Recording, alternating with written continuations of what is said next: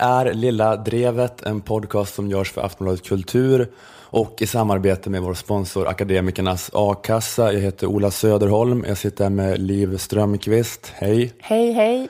Eh, ordinarie Lilla Drevet-personerna Nanna och Kringlan är fortfarande utomlands, så vi har vikarier den här veckan också.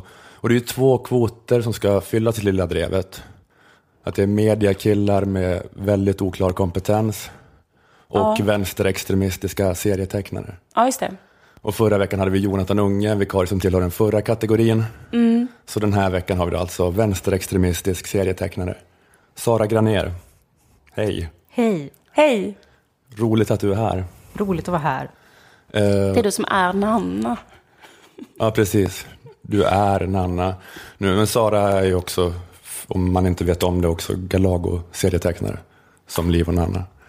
Köp alla hennes roliga album, kan ni göra. Eh, det känns det bra. Det är lite konstig stämning för att det är midnatt. Liksom, att spela in den här, exakt, det är mörkt ute och eh, det känns lite som när man var så här, eh, det är samma som liksom när man ska säga så här, var, varför, varför gjorde man det någon natt? Man var upp hela natten när man var tonåring. Var det innan Lucia? Man vakade in någonting. Man var jätte, jättetrött och skulle ändå vara uppe mitt i natten med sina kompisar. Så är det nu. Någon, någon sådär innan alkohol, Just vara det. uppe, jag tänkte så här, eh, vara uppe hela natten. Vad var det för tradition? Vad var det för gammal svensk tradition? Äta smågodis, vara uppe till midnatt, Just det. spela in en podd. Mm. Mm. Ja, det är lite märkligt, men det var så vi fick in det. Vi var tvungna, det var här i schemat vi kunde peta in det. Så det.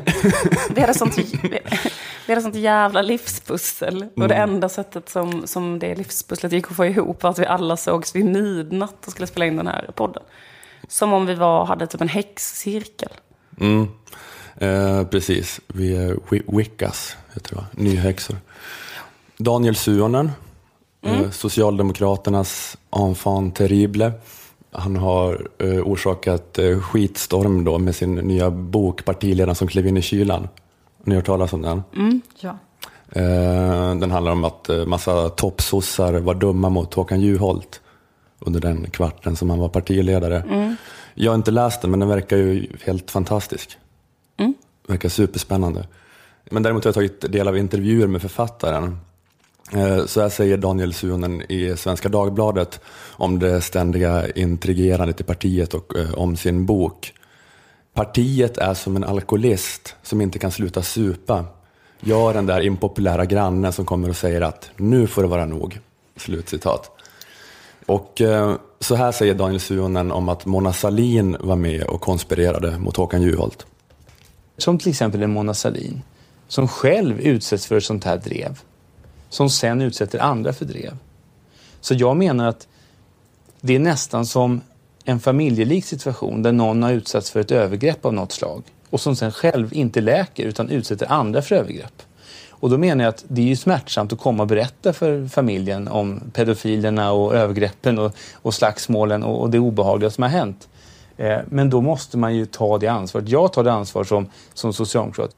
Han liknar Mona Sahlin vid en pedofil som själv blev utsatt för övergrepp Ja, när hon var liten ja just det.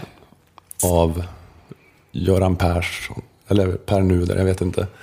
Och sen har då inte så, den, hon har inte läkt.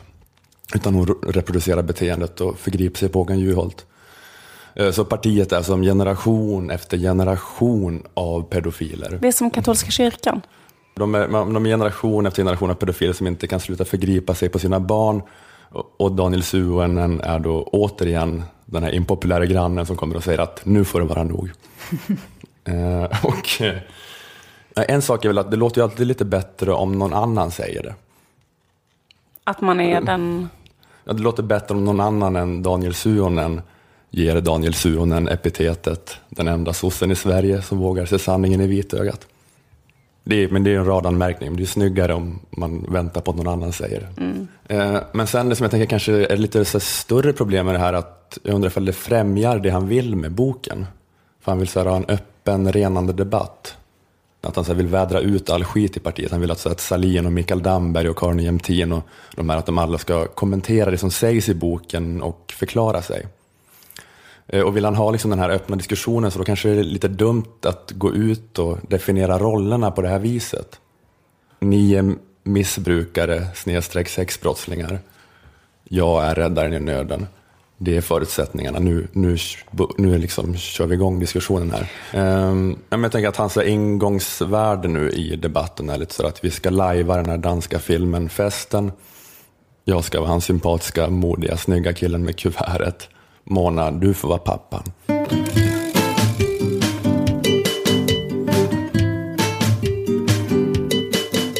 Ingen kan ha missat att det förra veckan var minnesdagen för avskaffandet av den svenska transatlantiska slavhandeln. Det var en massa program om svensk slavhandel på tv och radio och det anordnades minnesstunder för svensk slavhandels offer på gator och torg runt om i landet. Skojar bara. det var väldigt lite uppmärksamhet kring minnesdagen för avskaffandet av den svenska transatlantiska slavhandeln. För det är liksom en sak som det är väldigt lite uppmärksamhet om, eller kring överhuvudtaget, att Sverige liksom har haft slavhandel och kolonier. Det Ja, står men- inte i några historieböcker. Alltså jag kommer inte ihåg att jag har läst det i historieböcker. Har ni läst det? Jo, men jag kommer ihåg det, men eh, ja, det är väl bara att det... Du lyssnade lite väl på lektionerna än vad jag gjorde kanske. Ja, men det var, lätt, det var bara en så här ganska pinsam historia där med Sveriges kolonier. Eller det är ju såklart pinsamt då med det här rasistiska egentligen, men det var ju med att Sverige var så misslyckat som kolonialmakt. Att man lyckades ha, hålla en liten bit av Delaware i 18 månader. Sen tog, sen tog Holland över den. Och jag då som liten nationalist kände att det här var bara skämmigt liksom. När jag läste och satt och bläddrade i uppslagsverken på mellanstadiet. Jag tycker också alltid det är svårt det här när man säger så här, det här fick man aldrig läsa om i historieböckerna på högstadiet. För då eh, känner jag att jag inte vågar vara eh, den som räcker upp handen och eh, kommer ihåg vad som stod i SO-boken. För eh, Ja, det sätter sig på ganska höga hästar. Det är fullkomligt omöjligt att de pratar om det, för då hade jag kommit ihåg det. Nej, men jag tror faktiskt att det är en sån grej att det inte står i historieböckerna. För jag hörde också Dick Harry som pratade om det. Att det inte står i historieböckerna. Och då kan det inte vara fel. Eh, Men det finns i alla fall, liksom det är väldigt lite inkorporerat skulle jag vilja säga i liksom bilden av, av Sveriges historia. Trots att eh, den förra regeringen för några år sedan till och med då gjorde någon form av offentligt erkännande av svensk slavhandel. Härmed erkänner den svenska regeringen att Sverige också var delaktig i slaveriet. Sverige hade ett slavfort i nuvarande Ghana. Det fanns slavar på kolonin Saint Barthélemy i Västindien. Saint Barthélemy var också en av handelsplatserna för slavtrafiken. Eh, Sverige var liksom då aktiva slavhandlare vid två tillfällen och sen var det en jättelång downperiod. Den pikade en gång 1650 när de hade ett slavfort i Ghana. Eh, och därifrån sålde de slavar till andra kolonialmakter. Och sen hundra år senare så blev då eh, Gustav III jävligt peppad på liksom att försöka återupprätta Sverige som slavnation genom att då köpa den pyttelilla ön Saint Barthélemy i Västindien i Frankrike, eller Saint Barts som den är mer känd som idag. För det är en sån, nu läser man om Saint Barts ganska ofta i så här Aftonbladet Klick. Därför att det är liksom sån lyxresort-turism eh, där. David Letterman har ett hus där och Woody Allen är alltid där. Cameron Diaz är alltid där. De är alltid på St. Barts. Men en gång i tiden så var det en svensk koloni. Men det här känns, jag, för att jag har sett, någon sett upp Gustav III utav eh, Strindberg. Eller, att, jag har sett någon sån tv-teater från kanske så här 1980 liksom. När de gör Gustav III. Och då är det just det där att på Gustav IIIs hov så är det liksom ändå en slav där som de har tagit dit, en svart person. Och då liksom på den tiden är det typ så här Börje Ahlstedt i blackface liksom. Som spelar. Ja, men de tog med fyra s- privata slavar till Axel Oxenstierna också från den här, den första slavpiken. Det var inte så jävla många som kom till Sverige. Det var ju mest så här, några stycken. Men det de gjorde var att de hade också sådana slavskepp. Alltså sådana som man fraktade jätte, jätte, jättemånga människor som låg ner så här, jättetätt packade. Och så fraktade de mellan olika till öar då, där runt omkring. Och när det gällde St. Barts, som det heter nu för tiden, Alltså, Aftonbladet Klick skriver ju inte så här, eh, Cameron Diaz och David Letterman är på St. Barts, den före detta svenska kolonin som Sverige använde för slavhandel. Det hade ju varit ett bra tillfälle annars att komma ihåg det här. Eller hur? Det var bara, det var liksom, Frankrike ville typ inte ens ha den ön för att den var så himla, himla liten och dålig och det gick inte göra någonting med den. Och det bodde bara 700 pers på den. Men då fördubblade svenskarna befolkningen genom att just massimportera en massa, massa slavar. Mm. Men varför vet vi ingenting om det här? Varför känner vi inte till det här? Aftonbladet Klicks fel, uppenbarligen. Ja, bland annat. Det, ja. Men eh, en vanlig förklaring till eh, varför det liksom inte då berättas så himla lite om, om eh, den här slavhistorien eh, i, i svenska historieböcker, eller varför det inte är så, så himla aktuellt så, det är en förklaring som historikern Dick Harrison också ger här. Den här förklaringen. Men det är lättare att dölja en sån, sån grej som slaveri och slavhandel i Sverige eftersom eh, Sverige har inte haft några stora kolonier. Det finns inte någonstans att direkt leta efter det här. Det tillhör historiens marginalanteckningar att Sverige hade koloniala äventyr i Afrika. Sverige var inte en så stor spelare som kolonialmakt, så därför så behöver vi inte prata så mycket om saken. Men jag menar det att vi inte var så jättebra på slavhandel är ju liksom inte ett argument för att inte prata om det faktum att Sverige höll på med slavhandel. Och Det- försökte. Det var liksom inte det att vi inte ville vara en stor slavnation, det var mer det att vi inte kunde vara en stor slavnation. ja, men jag tycker liksom det spelar inte så stor roll varför vi skäms över att vi var slavnation. Det viktiga är väl att vi skäms. Eller? Men jag tycker det viktiga är att vi... Alltså, jag, jag tycker det är viktigt att man liksom pratar om det och integrerar det. För jag tänker också den här grejen, alltså för jag har också hört så här, läst på olika Sverigevänliga bloggar att de blivit rasande över att man ska dra upp det här i olika sammanhang. För de är så här, Sverige spelade så himla liten roll om man tittar på det globalt. Hur många som liksom höll på med slavhandel. Men jag tänker att det är liksom inte heller ett argument för att inte ta upp det i historieböcker. För jag menar det här med att Sverige bidrog väldigt, väldigt lite till något. Det brukar ju liksom inte hindra Sverige från att så här, prata om det väldigt, väldigt mycket. Tvärtom så älskar ju Sverige att prata om händelser där vi verkligen har spelat en marginell roll. Jag tänker då till exempel på hur beundrad Anders Borg är internationellt som finansminister. Jag pratar om hur mycket folk egentligen lyssnade på Roxette i USA på 90-talet. Jag tänker på hur mycket Carl Bildt egentligen bidrog till freden eh, i ex-Jugoslavien. Hur populär Karlsson på taket är i Ryssland. Sveriges kolonier, eh, ja, eh, absolut. Förlåt, jag bara läser som kvinna. Jag är så trött. jag är övertrött. Ja, men det är också så här, det är också lite komiskt just att, för Sveriges koloni gick också svinmycket med förlust. Att så här, båda två var så här, Saint Barts var ju från början då, liksom att ingen, Frankrike ville ju typ inte ha den ön längre. Och sen bara pumpade Sverige in så jävla mycket pengar. Samma sak i den förra kolonin. Och jag tycker liksom också att det säger något ännu vidare om Sverige som slavnation. Att vi typ inte ens gjorde det för pengarna. Det var typ så här, vi var liksom så peppade på att handla med slavar. Så liksom, vi var liksom, vad villiga att betala för att få handla med slavar. För att det var så gött. Ja, men, ja, men det var ju som en så stark vilja av att leka stormakt liksom. Det var det att det kändes så patetiskt sådär. Att vi, vi försöker men vi kan inte riktigt. Ja, men det var också det att man var så sent på det. För då under den tiden, liksom när Sverige höll på med St. Barts, eh, då eh, var liksom slaveriet, det fanns en jättestark sån ant, antislaverirörelse liksom i Storbritannien typ. Det var en bojkott av socker, typ att hundratusentals människor i Storbritannien liksom skulle inte köpa socker för det var en sån slavprodukt och sånt. Och att Gustav III också fick sådana påtryckningar från liksom Storbritannien, för de avskaffade slav- slaveriet mycket tidigare. Men han bara struntade i det. Bara gick runt, fortsatte att äga en privat slav och den stämningen. Men det som jag tycker är lite synd, det är liksom att vi inte så tar in vår historia som kolonialmakt och slavhandelsnation lite mer som en del av liksom det typiskt svenska. Jag tänker så här att man läser nyårsklockan varje år på Skansen.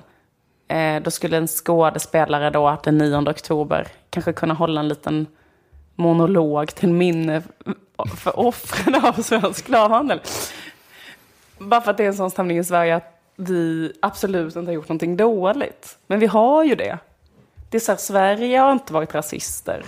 Men, eh, ja precis, men att man kanske skulle vilja högtidlighålla den för att det är en sån unik slavhandel då, att det är, att det är enda liksom då västeuropeiska landet som gick bakåt av att vara kolonialmakt, som du sa. Ja, men som Man vill- ville vara kolonialmakt så mycket så att man kos- bekostade, man kastade ut pengar för att kunna vara kolonialmakt.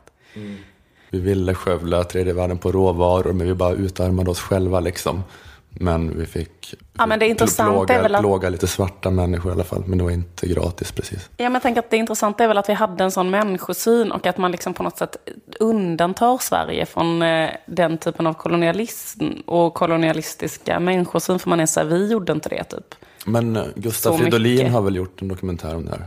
ja, okej, det är bara jag som inte har... Eh, Lyssnat till skolan och sett på SO. Fridolin. exakt, allt det här bygger på att jag sov i skolan. Och sen stäng öronen så fort Gustav Fridolin öppnar munnen. Eh, men jag tänker att man borde kunna så här, eh, integrera det mer som en del av vår historia på riktigt. Och då tänker jag att man till exempel, ja men typ Colin Nutley, liksom borde göra en film där han så här, sätter fingret på det typiskt svenska inom då slavhandlarcommunityt. Han skulle kunna göra en film som utspelar sig på St. Barts på 1700-talet där några, kanske då en grupp torra, riktigt tråkiga svenska slavhandlare håller på med slavhandel. Så som de alltid har gjort. Och det är inget konstigt med det. Men så en dag händer det något. Nämligen att det kommer dit en lite ballare, lite mer burlesk slavhandlare. Kanske spelas av Helena Bergström. Och den här balla, lite mer burleska slavhandlaren kommer dit, rör om i grytan, har ärvt ett slavfort och ska nu också vara slavhandlare på St. Barts. Krockar uppstår mellan de olika slavhandlarna. Helena Bergström och hennes kompis Richard Wolff, de kanske ville spela varieté eller ha en trollkarlsshow på sitt slavfort. Och de andra slavhandlarna, med Sven Wollter kanske i spetsen, de vill ha en tråkig hemslöjdsförening på sitt slavfort. Just det. Komik uppstår, igenkänning i den svenska folksjälen uppstår. Det är så gamla sortens slavhandlare som tycker att höjden av synd är burlesk teater. Just det. Och då blir det ett jävla liv. De kommer att vända upp och ner på allt. Men, eh, men, eh, men, Sen är det såna här, liksom bara sådana passager där så här, Jakob Eklund piskar ihjäl en slav. Här, helt okommenterat. Det är bara så här miljöbild, som en sån bakgrundsbild. För det är ingen på någon sida som tycker det är något fel. Det är bara sån typisk svensk stämning att man har slavar. alltså, Och de, är, är de, är egentligen- sven, de är svenskar, både de gamla och de nya. Ja, visst. Okej. alla är svenskar. Det är bara två falanger. Lyssnar du bara när Gustav Fridolin pratar? Och när jag pratar, då, då är det inte intressant längre. Jag zonade ut när jag tänkte på Gustav Fridolin ett tag. Men i slutet blir alla svenska slavhandlare vänner. De lite mer burleska slavhandlarna förstår att de tråkiga var inte så tråkiga. De tråkiga förstår att det inte är så farligt med det burleska. De möts på mitten. Allt blir underbart. Ridå. För den nya filmen om den svenska folksjälen. Slaveriet fortsätter naturligtvis. Alla går gemensamt ut och piskar ihjäl en slav.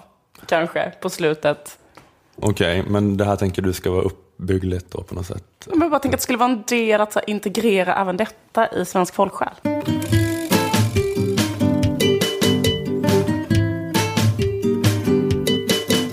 Veckans Lilla Drevet är sponsrat av Akademikernas A-kassa och vi har A-kassa-nyheter att rapportera. Glada nyheter får man säga. Vadå? Regeringen och Vänsterpartiet har nu kommit överens om att höja taket i a-kassan. Så att det omfattar människor som tjänar upp till 25 000 kronor. Så det är från 18 700 kronor till 25 000. Så, alltså så mycket höjs det. Vi brukar säga att man kan få 15 000 om man är utan jobb och är med i a-kassan. Men nu blir det alltså upp till eh, 20 000 kan man få i månaden. Jaha. 80 procent av 25 000. Om det nu går igenom riksdagen, men eh, förhoppningsvis för alla utom Moderaterna har sagt att de vill höja a-kassan. Eh, Så ännu mer anledning att gå med i a-kassan eh, och dessutom ännu mera nyheter relaterat till det här. Arbetsmarknadsminister Ylva Johansson sa så här när hon var med i Ekots lördagsintervju.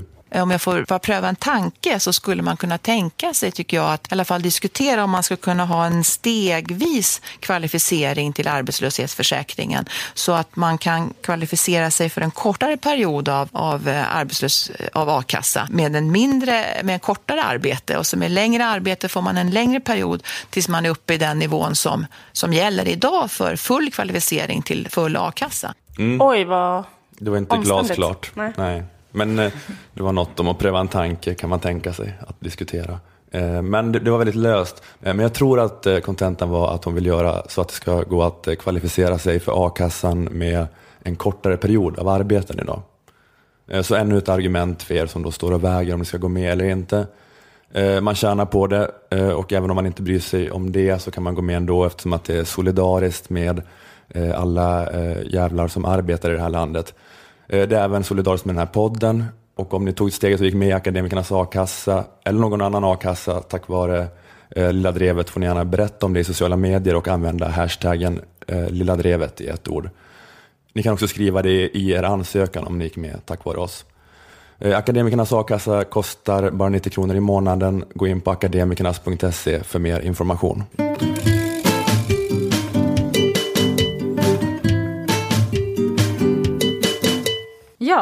Men jag är vikarie här på eh, Lilla Drevet eh, det här eh, kvällspasset som jag har ryckt in på. Och det är ju en, eh, kan man säga, lite så speciell position på arbetsmarknaden eh, för oss som är i det här skrået vikarier inom en podd. Ja, det är sån där eh, man måste vara beredd vid telefonen hela tiden så kan de ringa när som helst. Precis. Du är liksom 100% beroende av Ola Söderholms välvilja för att få ihop till din försörjning. Precis, det är mycket, eh, många olika slags eh, otrygga anställningsvillkor, mycket osäkerhet i branschen och eh, överhuvudtaget i jämförelse med den lite mer gamla goda tiden när man kan tänka sig att folk kanske ett helt yrkesliv jobbade på elverket. Så hänger sådana som jag eh, lite mer löst. Och eh, ett sätt som man kan märka det på är ju att eh, trygghetssystemen i samhället inte är uppbyggda efter folk som vikarierar på en podd. Eller försöker skaffa sig ett påhugg inom poddsektorn, Möllan, Sofielund. Mm, mm. Det är inte heller någon som säger till sina barn när de tycker att de dräller runt för mycket, spelar för mycket tv-spel. Hörru, klipp dig och skaffa dig ett vikariat på en podd. Mm, folk kanske kommer börja säga det nu i det här nya samhället. Ja, Att precis. det kommer vara det nya seriösa.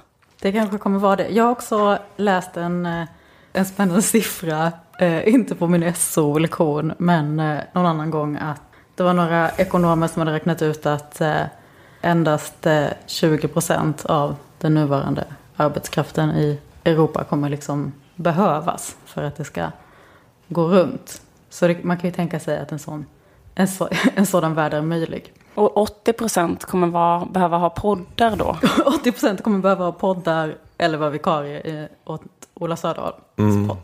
Ja, men det, ja, det är ju det är tungt, för jag upplever ju att jag också har en ganska otrygg anställningsposition. Bara då i min liksom, poddkontakt med Aftonbladet eh, till att börja med. Sen så är jag ändå någon slags... Men så är det ju, avståndet är ju alltid kortare liksom uppifrån och ner än nerifrån och upp. Så det är ju också lätt för dig att säga. Som sitter här, du har ditt på det torra. Ja. Du kanske är skyddad av LAS, Mm, sist in först ut. Nej, jag vet inte riktigt. Den här typen av, eh, av spännande privilegier eh, som kulturarbetare.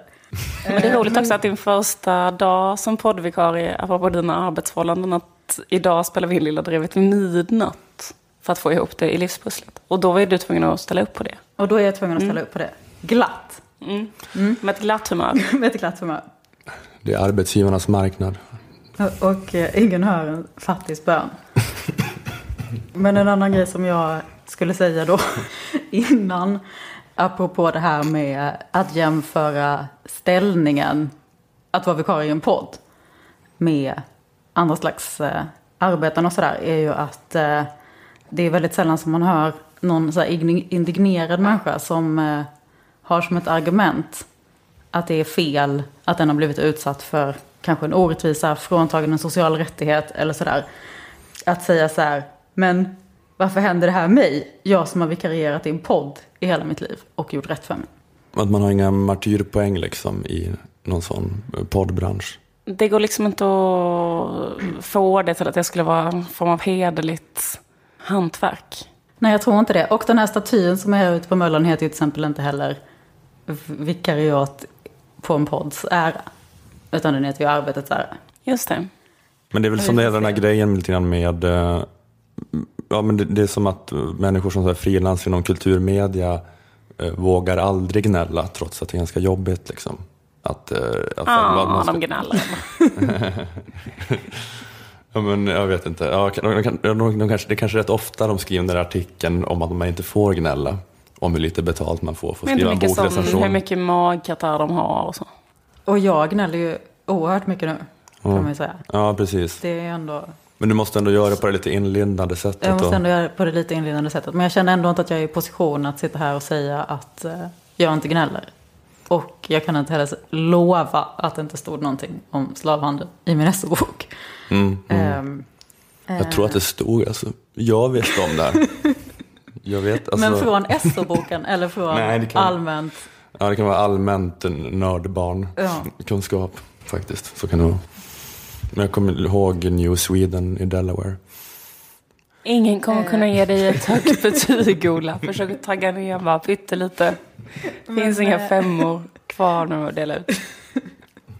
Eh, ja, men det är ju liksom inget, eh, inget nytt fenomen det här med att hänga lite, lite löst på arbetsmarknaden. Ni vet hur det var förr i tiden. Folk samlades ner i hamnarna, mössan i handen. Eh, man hoppades kanske få lasta någonting från en båt. Kanske fick man, kanske fick man inte. Och det fanns också en tid när eh, sådana som Paradis-Oskar i Rasmus på luffen drog runt på vägarna och eh, knackade på i stugorna hos olika bondmoror och bad att få hugga lite ved i utbyte mot en skål mat och att få sova på en loge. Just. Eh, Medan nu är det istället jag, eh, Eh, eller sådana som jag, som stryker runt på Möllan bland borden på kanske Belle Pock eller söder om Småland och försöker påkalla en eh, lite högre stående kulturarbetares uppmärksamhet genom att knacka den på ryggen och eh, lite ömkansvärt be om att få komma hem till dem och uttala en åsikt, alternativt belysa ett eh, aktuellt samhällsfenomen ur en lite nyskapande och eh, okej skojig vinkel i deras podd mot faktura. Det är så här handelsresande i eh, sköna samtidsspaningar på något sätt. Precis. Mm. Och sen får man dra vidare efter att man har fått liksom sova på lite halm på Kringlans golv så, så kan man dra vidare på nästa, Mm. knacka på hos nästa poddgumma. Men eh, det går liksom inte att sälja så här eh, muskelkraft på det sättet att hugga ved. Utan man måste istället bara ha, eh, ha något helt annat. Till exempel eh, en åsikt. Ja, precis. Du knackar på och säger så här, tjena, det är inte så att ni behöver hjälp med en soft samtidsspaning. Att ni råder brist på det i det här hushållet. Och apropå det här med stämningen på arbetsmarknaden så har jag varit inne på, på Platsbanken och kollat på en, eh, en helt vanlig eh, annons som ligger på Platsbanken. Och eh, jag kommer att läsa upp den här annonsen i sin helhet. Mm. Mm. Rubriken är så här, Coffee Joint på Möllan söker kafépersonal. Ska vi pausa lite för de lyssnarna som inte kommer från Malmö för att bara berätta att Coffee Joint, som den heter, är ett café som ligger på Möllan som fram tills för inte så himla länge sedan hette det Coffee Point. Det stämmer. Och sen har de bara liksom svängt på det P1. Och nu har de en lite mer sån eh, haschig, eh, har de inte ett slags hasch-tema? Att det är så här, att det ska vara lite sån stämning där att det ska finnas grejer som har att göra med hasch och kaffe. Eller har jag fel? Mm, så kanske det är. Det namn, namn, namnet det är liksom- skulle ju kunna antyda Ja, en men att det är sån, så här, eh, man ska typ ett kunna... sånt tema. Ja, att det är lite, lite sånt tema. Mm. Ja, precis. Det, men det är så att det är så oerhört, det är, det är supertöntigt. Jätte, jättetöntigt. Va? Mm. Jag tänker så här, om man är 12 kanske man vill gå in på ett ställe som heter Coffee Joint och så kan man köpa kanske en, någon, någon slags pipa där. Ja. Eller köpa en brownie. Allt utom själva haschet. Är det inte så Ja. stämning? Jo, Ja, men kanske- precis. Ja, är så, gillar allt med den kulturen förutom det som eventuellt är roligt. Att det är en så bedrövlig kultur.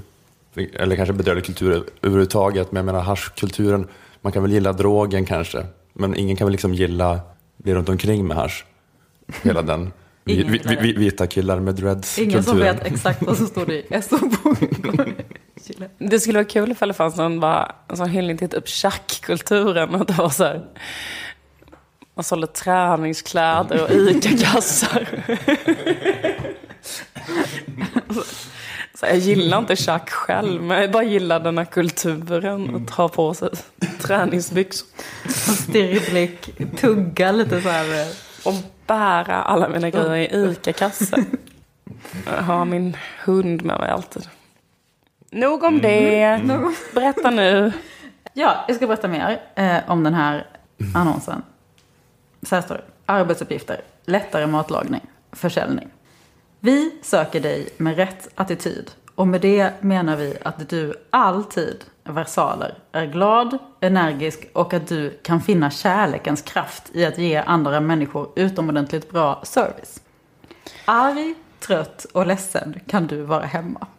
Om det nu skulle hända att din attityd svajar så varar det aldrig mer än några minuter när du är på din arbetsplats. Att du har rätt attityd är A och O. Du ska dessutom ha ett intresse för matlagning.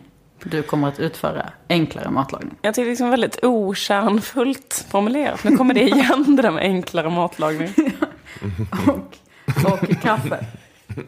Och kaffe. Som självständig mening. Det var efter parentesen här. eh, Du kommer ut för enklare matlagning och kaffe. Du ska ha intresse för matlagning. Du kommer, du kommer utföra enklare matlagning och kaffe. Man ska vara intresserad av både ma- enklare matlagning och kaffe. Förutom att ha rätt attityd. Jag förstår. Att alltid vara glad. Mm. Vidare ska du vara utomordentligt bra på att följa instruktioner och kunna ta kritik utan att tappa humöret.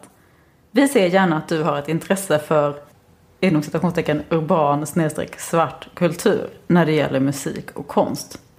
Vi ser gärna att du har erfarenhet, men är du personen med rätt attityd utan erfarenhet så lär vi upp dig på plats. Om dig. För dig är det självklart att ta ansvar och du engagerar dig i ditt arbete. Du är effektiv, kommunikativ och organiserad. Du förutser problem och löser dem. Du är intresserad av smaker, bakning, matlagning och förstår vikten av hög kvalitet. Baristautbildning är starkt meriterande. Denna rekrytering sker löpande och Coffee Joint avser att tillsätta tjänsten snarast. Känner att deras beskrivning passar in på just dig så tveka inte att skicka in din ansökning till oss redan idag. Jag tycker att det är roligt för det känns som att det ligger en sån latent erfarenhet och bubblar upp här bakom. Att man kan läsa mellan raderna vad de har haft för problem innan de skrev den här. Att det är liksom, han, den här personen som skriver det är jävligt galen för att han har varit tvungen att sparka någon som har varit negativ och kritisk i hans ögon. Och som inte heller haft sitt intresse för urban slash svart kultur kanske. Ja, men jag håller med. Jag tycker också att det blir lite, att det känns som att den är skriven i någon slags eh, affekt liksom. Och det tänker jag ändå inte är praxis bland folk som skriver en platsannons. Men det blir också lite mer spännande för att man kan få lära känna avsändaren lite mer. Ja, just det här att, Och att, det väcker nyfikenhet. Detta kommer vara min chef. mm, ja, men just det, att det är lite affekt det där att det, att det är långt och upprepande liksom.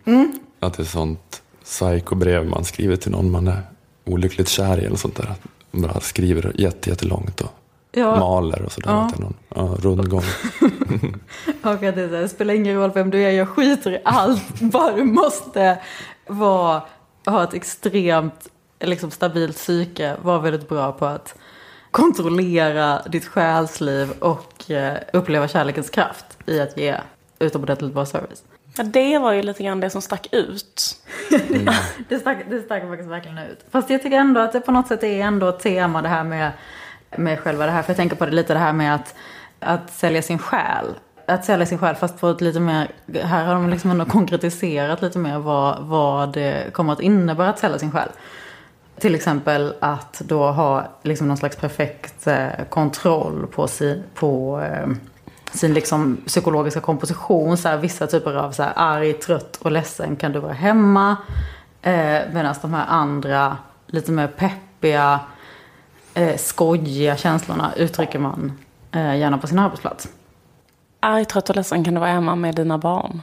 ja, precis. Men jag tänker också så här att det känns läskigt eh, att vara, gå hem till någon som jobbar på Coffee Joint efter att ha sett det här. För då, eh, då vet man att där kommer allting på något sätt komma ut. Men jag eh, Eh, tänkte också, alltså jag tänker att man kan tänka, det finns mycket så här, man kan tänka på avsändare, man kan tänka på målgruppen, vad är det här för människor som ska, eh, liksom dagens ungdom som ska på något sätt eh, då eh, identifiera sig starkt med det här. Och eh, eh, vad det är för syfte och sådär. Men jag tänker också på hur det är på Arbetsförmedlingens hemsida. Om man kollar runt där lite, lite mer i största allmänhet. För då finns det ju kanske hundra miljoner olika flikar som är så här. Eh, filmer för dig som vill bli bättre på att söka jobb. Träffar för dig som vill bli bättre på att söka jobb. Tips och råd om hur du skriver CV och eh, personligt brev. Och det kanske står typ så här att söka jobb är en konst som kräver tid, energi, kunskap och eh, bra verktyg. Här hittar du stöd genom hela processen, hur du skriver en bra ansökan och hur du klarar anställningsintervjun. Men det finns liksom ej en enda länk till själva liksom arbetsgivarsidan. Som kanske skulle kunna vara så här, så här skriver du en bra platsannons så att dagens ungdom ska palla ha med det att göra. Eller eh, filmer för dig som vill lägga upp en eh, platsannons och eh, lyckas tjäna pengar på andras arbete. Eller så här klarar du intervjun. Och det är ett, och man kan ju tänka sig att ett bra tips om man nu, nu när man ändå sitter med facit i hand med den här platsannonsen är just det här att kanske till exempel tänka på att inte lägga ut en platsannons när man är väldigt, väldigt upprörd. Ungefär som att man inte ska kanske skicka ett sms till någon som man är känslomässigt involverad i när man är full. Och eh, att det på det här sättet beror ju såklart att det finns en ojämbördig relation mellan till exempel eh, patricier och plebej herroslav och eh, någon Jeppe som eh, kräver att människor kan finna kärlekens kraft i att ge andra människor utomordentligt bra service. Och eh, folk som förväntas känna kärlekens kraft när de eh, är på sitt helt vanliga kneg och försöker tjäna ihop till hyran. Och så har jag också funderat på, lite på det här om man skulle släppa lite det här med enbart coffee joint som, som, en, som en arbetsgivare och mer tänka lite på det här med eftersom att det måste vara den här extremist eh, så måste jag också mm. eh, passa på att eh, prata om konflikten mellan arbete och kapital i den här podden. Mm. Och då är det ju som vi eh, alla känner till så att det kanske har gått lite för bra för den här Kapitalsidan. För kapitalsidan i den här konflikten så har det gått liksom bra på ett sätt som inte heller är rimligt. Man tänker så här kanske finanskrisen. Det gick så här orimligt bra. Folk hade jättelåga löner. Företagen tjänade skitmycket pengar. Det är så här, hur ska vi då ändå kunna öka våra vinster? Och hur ska folk kunna ändå konsumera mer fast vi kommer vägra betala dem mer lön? Och då kanske man lånade ut jättemycket pengar. Och så vet vi hur det gick. Mm, och, så mm, mm. och sen kanske det finns liksom en annan typ av så curling-beteende från den här sidan kanske så här. Då säkert, eh, säkert de på Coffee Joint på något sätt också åtnjutit så här sänkt krogmoms, sänkt eh, arbetsgivaravgift för unga och bla bla. Mm. Och då, då tänker jag att det som händer är att man börjar bete sig lite som ett så här kanske störigt eh, typ killband på en ganska så, som inte är så jättebra men som är så spelar på en ganska sunkig festival. Eh, och som kanske ändå så kräver att i deras loge så ska det finnas så här tre akvarier i olika storlekar med eh, 17 sorters fiskar och så här specialimporterade bakverk. Det spelar liksom ingen roll hur uppfuckade jobbannonser de sätter in och sådär. För de kan inte förlora som det ser ut just nu. Nej, Den de- sidan. De kan ju låta en apa skriva sin jobbannons. De kan ju vara- liksom, Ja. Mm. Eh, nej men att det blir någonting också med det här med att när man, när man eh, det räcker liksom inte med att, eh, det räcker liksom inte med de här reda pengarna som på något sätt är så här profiten på någon annan människas eh, arbete. Utan man måste liksom gå in och, alltså då måste man liksom ha något mer. Då måste man liksom gå in och pilla på någon annan slags eh, eh, domän. Så här. Då måste man ha så här, men jag måste också ha Eh, jag måste också ha ditt psyke på ett spännande sätt. Jag, måste också, jag kan inte eh, få nog. Just det, men det är väldigt förnedrande det där med eh, att liksom, det är inte bara att du ska tjäna pengar på dig, du måste också liksom, i ditt hjärta känna att du älskar det liksom, när det pågår. Så du måste också i ditt hjärta känna kärlekens kraft. Ja. Du får inte vara professionellt trevlig och så här, fejka kärlekens kraft. Du ska känna det liksom, på Nej, riktigt. för att fejka kan du göra hemma. Fejka kärlekens kraft kan du göra hemma. Eh, Men, Men- här, men medan du är på din arbetsplats. Ja. Så, mm.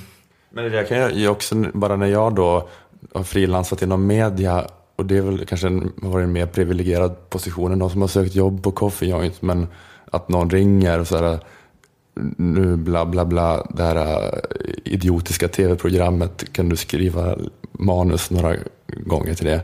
Och att det alltid, de säger alltid att det, känns, det är viktigt att du tycker att det känns kul att hoppa på det här. Det känns roligt. Och jag har aldrig fattat varför, är det viktigt. Nej. Hur fan kan det vara viktigt? Vad jag känner. Alltså det är så här, det enda som är viktigt är väl om ni ger mig pengar och då kommer jag av skam prestera lite grann. Men jag kommer ju absolut inte tycka att det är roligt att liksom skriva några jävla panelhumorprogram på TV3. Det är klart att jag inte kommer tycka att det är roligt. Det är så jävla konstig det är så tanke. sjukt att kräva av någon överhuvudtaget att de ska så här, känna glädje. Du ska känna glädje. Jag tycker också det är lite så ohemult att kräva det av. Man kan tänka sig så här vem målgruppen är för den här, den här annonsen. Som jag tänker föreställa mig är lite så dagens ungdom. Och man kan tänka sig om man ens är i en position att man Ja men då är man sagt i en sån här position. Jag har typ några ströjobb. Jag typ eh, hoppar in lite då och då. Eller jag behöver så jävla jävla mycket verkligen. Ett, eh, ett kneg. Det är säkert skitstressigt. Man vet, har säkert ingen liksom fast. Alltså man har säkert ingen bo, ordentlig bostad. Man har säkert så här, ingen jätte liksom peppig bild av eh, framtiden. Det är inte som att man tror att man kommer kunna ha ett jättehärligt jobb på elverket i hela sitt liv. Nej, just det. Eh, Mm. och sådär. Men man ska liksom ändå känna kärlekskraft. Ja, precis. Men eh, jag tänker också att här in, inom i poddbranschen så är det i alla fall lite lägre trösklar in på arbetsmarknaden. Om man känner att man har lite sämre psykisk hälsa. Att man inte riktigt klarar av kraven inom eh, café och restaurang. Så kan man böla med en podd. Då kan man böla in på. Det är mer Då- fritt fram för liksom ångest och... Det tror jag absolut. Mm. Ja, det, det är mer då, Där det är tvärtom vi kräver att du känner Ja. ångest. Och vi märker direkt om du fejkar ångest. Du ska liksom bjuda på en riktig så här, Något riktigt privat trauma. bekräftelseångest. eller något. Delge någon riktigt sjuk jävla upplevelse. Ja, just det, så är poddprekariatet. Och annars är det bara att gå ut på vägarna, knacka på som bondmora och eh, eh, ja, lycka till.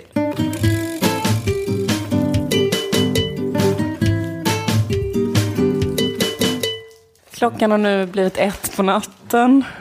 Inspelningen av Lilla Drevet fortsätter. Jag ska jobba mig igenom en lång rättshaveristisk rant här.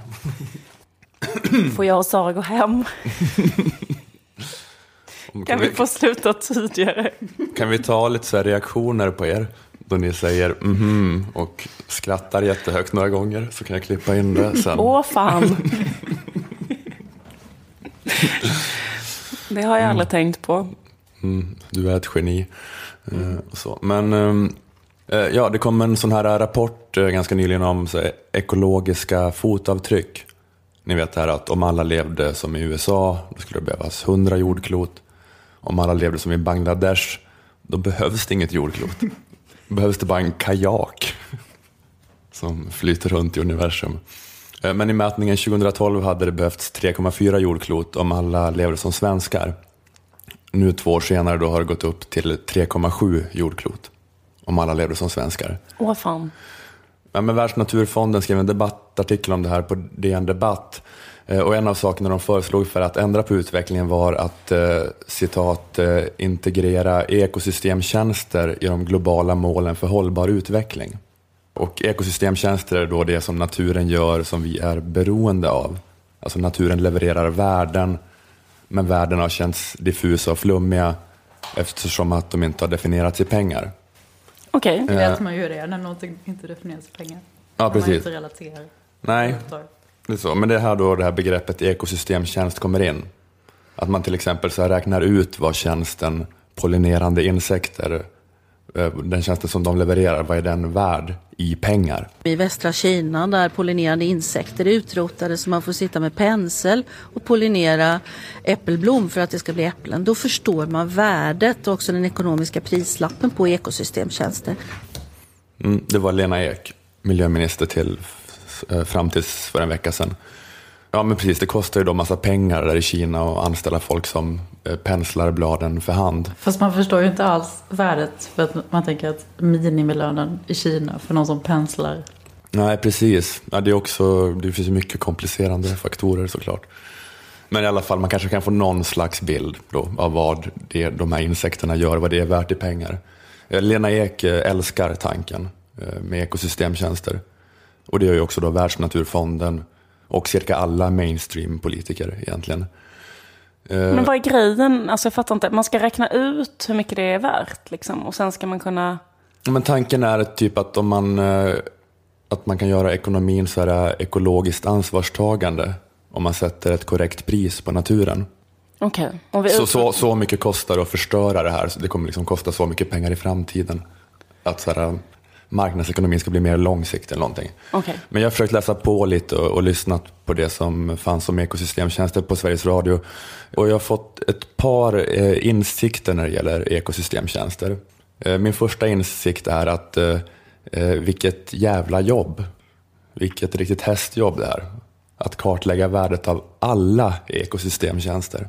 35 000 kronor per nötskrikepar som, som var värdet på tjänsten då. Vad gör nu nötskrikan? Jag har liksom inte så jättebra koll. var en nationalekonom som kartlagt värdet nötskrikan levererar. Så, klar med nötskrikan. Nu bara resten kvar. Ja, men nötskrikorna de typ göm, de så här, hjälper till med fröspridning. De så här, flyttar ekollon eller gräver ner dem i marken så det växer upp en ny ek. Men sådana djur som inte bidrar så jättemycket, som bara är så här fina typ, de, de är värda noll. Eller Ja, fast man, ha- försöker inkorporera sådana ekosystemtjänster också om hur mycket folk, hur mycket det är värt för dig, hur mycket känner du att det är värt att det finns kvar och är fint. Fy fan. Men det är liksom, eh, men det är ett jävla arbete. Det är liksom bibliska proportioner. Alltså det, är lite, det känns lite som det där med Noaks ark, att det går, går inte ihop när man tänker på det. Att hur det skulle funka på riktigt, att samla ihop alla djur. Fast där är det värre, det är inte, liksom inte bara alla djur, utan det är liksom alla processer i naturen som ska kartläggas och värderas. Och jag har lite fått känslan att de ekosystemtjänster som värderas är de där det är så här relativt enkelt att göra en kalkyl. För det är alltid det här exemplet med pollinerande insekter. Det kommer hela tiden. För det är det äh, relativt tydligt. Förmodligen är det väl också mer komplicerat än vad Lena Ek säger, men det känns så äh, lite intuitivt att antingen pollinera dem eller så får vi, får vi göra det för hand. Men så här, jag läste någonstans att det från äh, Sahel, eh, Saharaöknens halvtorra södra gränsområde, därifrån kommer det liksom något atmosfäriskt damm som virvlar upp i atmosfären och driver över Atlanten och det har någon slags positiv effekt på klimatet och jordbruket i USA. Och det jobbiga är att göra en kalkyl på den här processen. Ingen har lyckats göra någon sån här kalkyl riktigt. Men är allting liksom att man måste mäta vad det skulle kosta om människor gjorde det istället? Liksom att så här, okej om vi utrotar nötskrikan då måste vi själva liksom pollinera, eller vad fan de nu gjorde. Sam, Gräva ner ekollon. Gräva ner ekollon. Eller då måste vi frakta den här sanden. För det känns också orimligt att... Ja, men det kan väl också vara så här om vi utrotar den här fisken, då kommer vi inte kunna sälja den här fisken.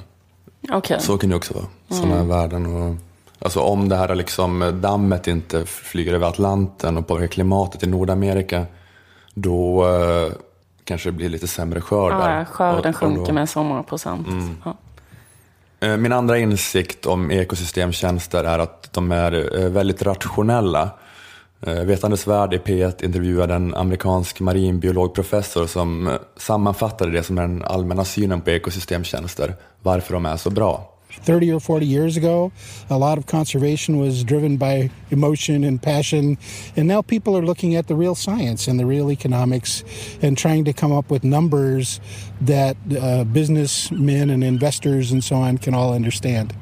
För 30-40 år sedan så drevs mycket av naturvården med känsloargument. Nu går man efter den verkliga forskningen och talar i siffror som företagare och investerare verkligen förstår, säger Larry Crowder. Ja, men observera då att det är ett eh, känsloargument. Där att säga då att ekosystemets värde inte går att mäta i pengar. Att påpekar man att det kanske finns en skillnad på ekologiskt och ekonomiskt värde eftersom att vår ekonomi växer och växer medan vår ekologi är vad den är. Då är det ett eh, känsloargument. Att, att säga att, så att vår ekonomi kan skapa oändliga mängder pengar men naturen kan bara skapa en ändlig mängd ekosystem. Eh, men trots det så har vi, ser vi då de här två värdena som helt utbytbara. Att det kulturellt skapade oändliga värdet, pengar, kan användas för att byta till sig den här, det här ändliga värdet, naturen. Och det är kanske den skevheten mellan de här två värdena som gör att det blir fel. Att man som svenskarna till exempel kan använda sina pengar för att byta till sig 3,7 jordklot. Eh, det kan man påpeka då om, om man använder sig av känsloargument. För jag kände det lite nu bara när jag upprepade de här argumenten, att, att jag lät lite grann som Marcus Birros och Frida Boisens kärleksbarn.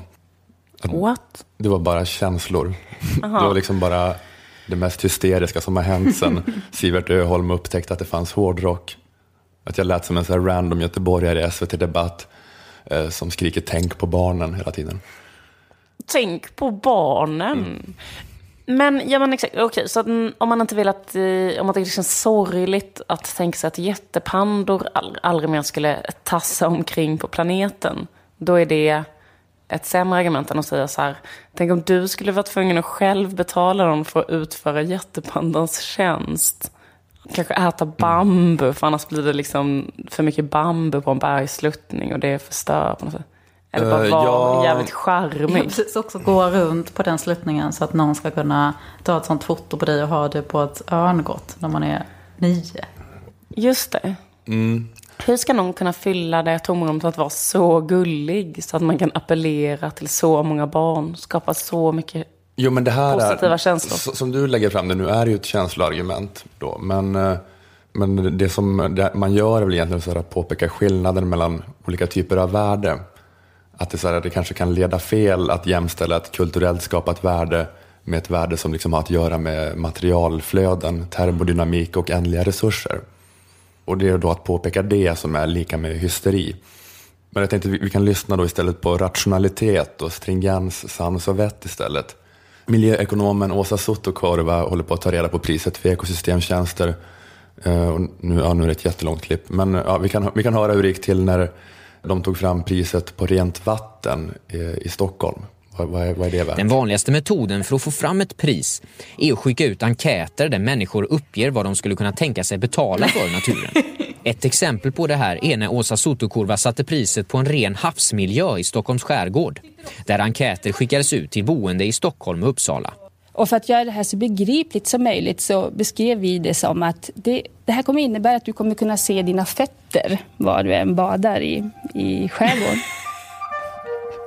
Vilken är den högsta utgiftsökning som du skulle acceptera för detta ändamål? Kom ihåg att din inkomst ska räcka till andra utgifter också. Och så fick man svara då högst ja, si och så många kronor per månad i tio år. Sammantaget för eh, populationen i Stockholm och Uppsala så var det mellan 50 och 600 miljoner kronor per år. Så det är priset på ett, ren, på ett renare vatten i Stockholms skärgård. Ja, Eh, ja, de skickade ut en enkät till stockholmarna där de fick känna efter. Vad är det värt att kunna se sina fötter?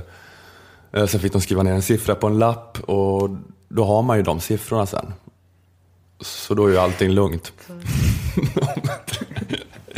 ja, men om ett företag sen betalar den här summan för att förvandla vattnet i Stockholms skärgård till liksom trögflytande gyttja, då kommer väl liksom ekosystemet acceptera det för att siffrorna är i ordning.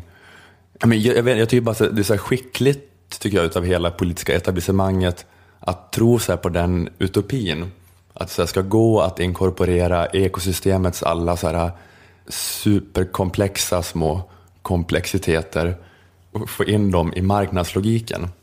Alltså att varje liten process i naturen ska få ett pris som kommer vara på exakt rätt nivå för att förstörelsen av ekologin ska sluta. Att, att helt utan belägg, så här, bara med någon, någon feeling, tro på det och sen ändå kunna köra härskartekniken mot sina motståndare att ni är känslostyrda drömmare. Det är ändå väldigt imponerande. Alltså jag fattar, liksom som den här miljöpartistledamoten, riksdagsledamoten för ett tag sedan, eh, som trodde på den här konspirationsteorin om eh, chemtrails. Ja, Liksom, han kunde ju inte köra på den härskartekniken. Jag kan Så bara säga vad- vad det är om någon inte vet det. Det är en teori om att det finns kemikalier i flygplans... Sådana där vita streck som flygplan gör på Mm. himlen. Ja, precis. Men då han kunde inte säga till dem som sa att han hade fel sådär, liksom, att vad är ni liksom för eh, känslostyrda, liksom, hysteriska människor som inte tror på att Kina eller om det är USA kontrollerar vädret genom att släppa ut hemliga avgaser. Fast det är ju exakt samma sak. Det är exakt lika rimligt som att tro på det Lena Ek tror på. Jag orkar liksom inte med den här sjuka övertron på så här, den ekonomiska människan. Och nu också den ekonomiska biet. Men jag tycker också det lät lite med bara 35 000 för ett nötskryckepar. Eller? Tycker du det? Jag tycker det låter rätt saftigt.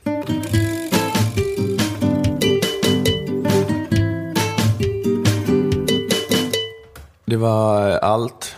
Vi eh, ber om ursäkt om det har varit lite sömnigt. Det är för att vi har sovit medan vi har spelat in den här podden. För att eh, klockan är kvart över ett nu. Men ehm, ja, tack så jättemycket Sara Granér för att du kom och hoppade in. Tack Liv Strömqvist. Eh, jag heter Ola Söderholm. Det här är en eh, podd för Aftonbladet Kultur. Den görs i samarbete med vår sponsor Akademikernas A-kassa. Vi hörs igen om en vecka.